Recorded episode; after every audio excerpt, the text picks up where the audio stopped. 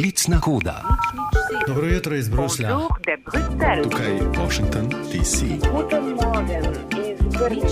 Lep pozdrav, tukaj Beograd. Dobro jutro iz Moskve. Dobro jutro iz celovca. Klicno kodo naših dopisnikov vtipkamo vsak ponedeljek zjutraj. Dobro jutro iz Zagreba. Buongiorno da Roma. Dobro jutro iz Pekinga. Klicna koda na prvem.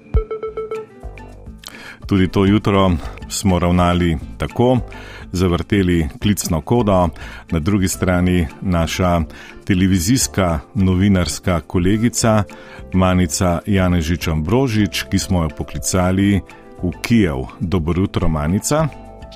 Dobro jutro, Slovenija, dobro jutro iz Kijeva. Kakšen je splošni vtis štiridnevnega novinarskega potovanja in dela po ukrajinskih mestih? Uh, kakšen je splošen vtis? Uh, država je v vojni, uh, ljudje so neumajni in odločeni, da bodo v tej vojni zmagali, izjemno pogum, preveva Ukrajince. Je pa nervoza v državi vse čas prisotna, tudi v teh dneh, ko je, lahko rečem, dokaj mirno, vsaj v tem zahodnem delu države, kjer smo mi, oziroma v srednjem Kijevu, recimo v teh štirih dneh, še nismo doživeli alarma. Je pa tako, da človek, ko se znajde enkrat v Kijevu, vse čas prisluškuje vsak trenutek dneva in noči, kdaj bo treba zbežati v zaklonišče zaradi možnosti letalskih napadov. Tako da ta napetost vse čas je in ljudje so se nekako navadili, da živijo s tem, ampak zelo pogumno. Ja, v svojem članku na našem multimedijskem centru si med drugim zapisala tudi, da Rusija očitno želi Ukrajince zlomiti tudi z mrazom in s temo. Trenutno si v Kijevu. Kakšne so razmere, kar se tiče oskrbe z elektriko, ogrevanjem, ne na zadnje tudi s internetnimi telefonskimi povezavami? Um, zelo negotove. Uh, zelo negotove. Uh, zdi se, da, sta, da smo na naši poti na nek način srečali dva obraza. Uh, v Ukrajini je teh obrazov več, uh, trenutnega stanja najhuje je na fronti na vzhodu, v Hersonu. Uh, Predvčerajšnjem sem se pogovarjala s človekom, katerega družina je um, dan prej zbežala iz Hersona. Ustrajali so do sedaj, bi lahko rekli, zdaj pa so obstreljevanja preprosto um, takšna, da, da ne morejo več živeti in se ta evakuacija iz Hersona prav zdaj dogaja. Tudi on je dejal, želel bi se vrniti domov, ne morem živeti v Kijevu, razmere so tudi tukaj težke, ampak še vedno se mi zdi, da je recimo v Lvovu. Um, to, kar smo doživeli v Lvovu, je precej drugače kot tukaj v Kijevu. Lvov živi precej normalno, tudi v teh dneh, ko so imeli res velike težave z električno energijo, z dobavo električne energije. Mislim, da so v četrtek bili nekako na 30 odstotkih, komaj v petek, ko smo se pogovarjali z ljudmi, in približno 70 odstotkov prebivalcev imeli elektriko. Morda velja povedati, da je, da je to tako, da imajo ljudje recimo 3-4 ure elektrike, potem pa spet nimajo več ur, te intervali, ko je nimajo, so seveda precej daljši kot tisti, ki jo imajo. Redko kateri predeli Ukrajine imajo elektriko v vse čas. Recimo tukaj v Kijevu je naša ekipa nastanjena v središču mesta in ko smo v petek pozno po noči prišli sem, je elektrika bila tudi topla voda. Ker pa je seveda tudi ogrevanje premalo, oziroma ker je pač poraba elektrike vpliva tudi na ogrevanje, je posod v vseh javnih ustanovah in posod, kjer smo pravzaprav tudi ogrevanje urejeno na zelo nizko, tako da nas vse čas pomalem zebe. Ampak um, kot rečeno, v Kijevu, obraz Kijeva je precej drugačen kot je obraz Lvova. Tam bi rekla, da ljudje živijo kljub pomankanju elektrike precej normalno, um, ni videti razbitih uh, uh, ruševin, ni v bistvu posledice napaka, napadov so precej manj vidne kot v Kijevu. Kijev je tudi precej bolj varovan. Um, recimo, preden smo prišli do mesta, pozno po noči, ko velja že policijska ura, smo prišli v mesto, ulice so bile res prazne in vozili smo se zares skozi mesto v temi, namreč javne razsvetljave ni, ljudi ni, tudi ceste, ker močno sneži tukaj, so bile precej neprevozne oziroma slabo prevozne, tako da je bila v nedeljo iz petka na soboto po noči ta vožnja kar precej naporna, negotova in tudi na vojaških postojankah oziroma na vojaških nadzornih točkah je, kako naj rečem, občutek precej neprijeten. Eh, ni dovolj pokazati le en dokument, potrebno je pokazati več, priti avto, sporočiti, zakaj si tukaj jasno povedati, s kom se boš pogovarjal, kateri intervjuji so potrjeni, kje točno živiš, kaj boš počel, kje se boš premikal. Skratka, ja, v Kijevu je vojna in to se čuti na vsakem koraku. Množični uboji civilistov v Buči so eno večjih grozdejstev v ukrajinski vojni. Eh, ekipa televizije Slovenija je obiskala Bučo, oziroma kot so nekateri poimenovali novo Srebrenico, Manica. Kakšno je življenje ja. v tem kraju oziroma tem predmestju Kijeva? Uh v svoji 25-letni novinarski karieri bi rekla, da, da je to bil verjetno eden, za mene eden najtežjih terenov. Uh, prideš v vas, ki je doživela tako neopisljiva grozodejstva, v bistvu je malo več, večja mas, uh, vas naselje v predmestju uh, z majhnim središčem, uh, z bloki, s hišami. Um, in tukaj je približno dober mesec uh, ruska enota, ki je bila tam nastanjena, uh, počela tako neopisljiva grozodejstva, da jih v bistvu uh, ko sem jih študirala, ko sem se pač pripravljala tudi na ta teren, um, je v bistvu težko razložiti, pojasniti, kaj se je v tistih nesrečnih dneh uh, marca bilo to dogajalo, dogajalo v tej vasi. Uh, to, kar se mi zdi še posebej pomembno omeniti, je, govorimo o Irpinju in Buči. To so bile prvi dnevi vojne, ko je ruska vojska prodirala proti Kijevu in ga poskušala zauzeti. Šli so prek, uh, kot rečeno, z te smeri proti uh, glavnemu mestu in recimo v Irpinju so podobe razvijanja še vedno. To se pravi, vidite uh, uničen most, uh, prek katerega so bežali civilisti, ki so jih 6. Uh, marca torej, napadli ruski vojaki. Uh, to so bile pr prve take res strašne podobe vojne, kjer so civilisti ležali na prostem več dni v Irpinju, potem pa so prišle nekaj dni kasneje tudi podobe te nesrečne buče. V Buči ni ruševin, obstreljevanja. Tam eh, se je vse dogajalo v mučilnicah, v kleteh, uh, tam so se dogajala množična posilstva, deklet, žensk, 14-letnih deklic. Uh, neopisljivo je.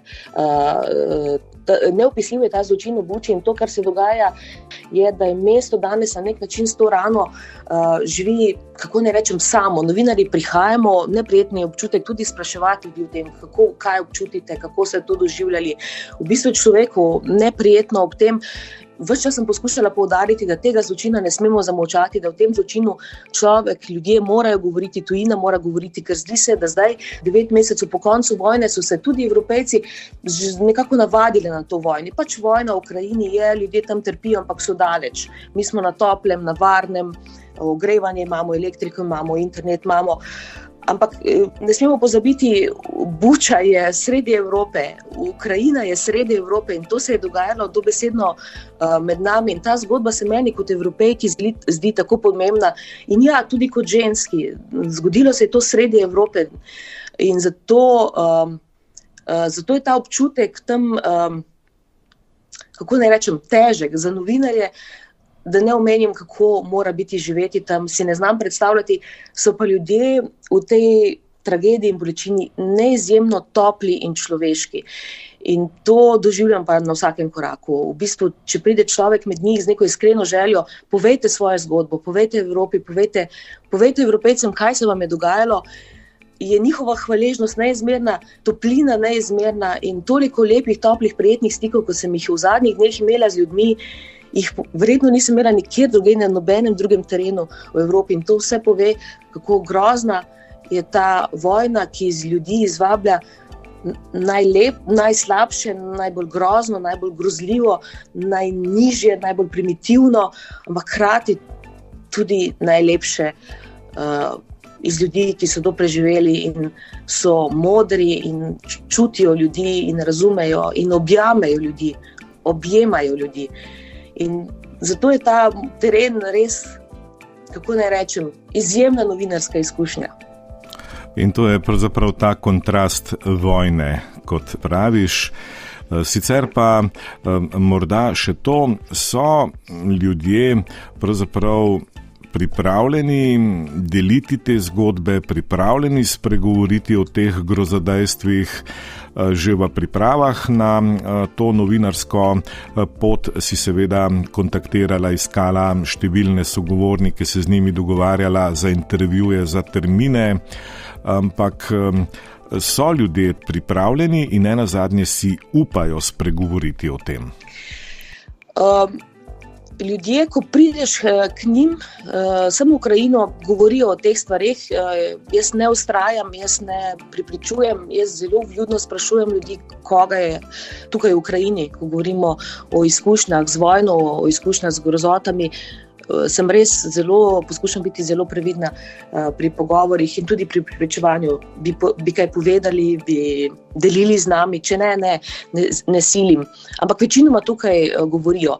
Uh, to, kar sem doživela, je uh, v bistvu zgodba precej širša. Pripravljam namreč daljšo oddajo o tem, kako je Evropa uh, uh, odreagirala na to vojno. In tukaj je zgodba precej drugačna. Prvič vidim, da je nekakšen zid. V, ko se pogovarjam, ko iščem sogovornike po Evropi, imam občutek, da so se številni bolj kot sicer ob, sicer ob evropskih temah poskušali izogniti tej temi. Um, zelo težko je dobiti dimo sogovornike z ruske strani, zelo, zelo, zelo težko, tudi ko so. Ko torej, ali da bi zagovarjali neko uradno stališče, ali da bi zagovarjali torej, stališče uh, ruske opozicije, nasprotovanje režimu. Tukaj je precejšen zid. Prav tako pa v številnih evropskih državah ni prav veliko ljudi, ki so pripravljeni zagovarjati stališče njihove države ali o tem govoriti zelo odkrito. Jaz si to razlagam tako, da v bistvu Evropa je na prvi pogled in na prvi prisluh, bi lahko rekli, polna velikih besed. Ukrajin, smo z Ukrajino, stojimo za Ukrajino, uh, Ukrajina je Evropa, uh, Ukrajina se uh, bori za Evropo, za vrednote. Uh, po drugi strani pa vsaka država v zadju, ali pa vsaj veliko njih, vsaj najmočnejše, kujejo neke svoje, prisegajo na neke svoje interese, tukaj so le uh, zelo pomembne. Eh, stvari v igri. Eh, ukrajinska vojna je seveda odprla uh, pomembne teme, kot je evropska energetika in evropska uh, obramna unija. Um, govorimo o velikih poslih, o veliko denarja in o veliko interesih. In tukaj se mi zdi, da so evropske države predvsej bolj previdne v zadju, ko je treba spregovoriti odkrito, na prvi pogled, oziroma Na prvo žogo je veliko besed o tem podpiramo in treba je v tej vojni zmagati, torej Ukrajina in mora v tej vojni zmagati, če me razumete, nekdo drug mora zmagati in mi jo v zadnji podpiramo, hkrati pa prav veliko odkritosti ni v Evropi glede tega, kako bi se dalo pomagati oziroma kaj. Države počnejo v zadju, oziroma kako se pogovarjajo z najpomembnejšimi geopolitičnimi igravci tega konflikta. Ja, obisk uh, Ukrajine je tvoj zadnji kamenček v ta mozaik oddaje Mednarodna obzorja, ki si jo bomo lahko gledali na televiziji Slovenija. Manica, preden se posloviva, še eno pod vprašanje. Ljudje so seveda brščas veseli novinarskih obiskov, tega, da bo nekdo njihove zgodbe, njihovo resnico, njihovo trpljenje, njihove stiske prenesel v širši evropski auditorij. Pa morda samo še to, ali imajo Ukrajinci nekako občutek, da jih je Evropa vsaj deloma pustila na cedilu, ali pa vendarle nekako eh, čutijo, zaupajo in so veseli te evropske podpore. Veseli so te evropske podpore. Uh, nikogar tukaj na tej poti nisem slišala, da bi rekel, Evropa nam pomaga premalo.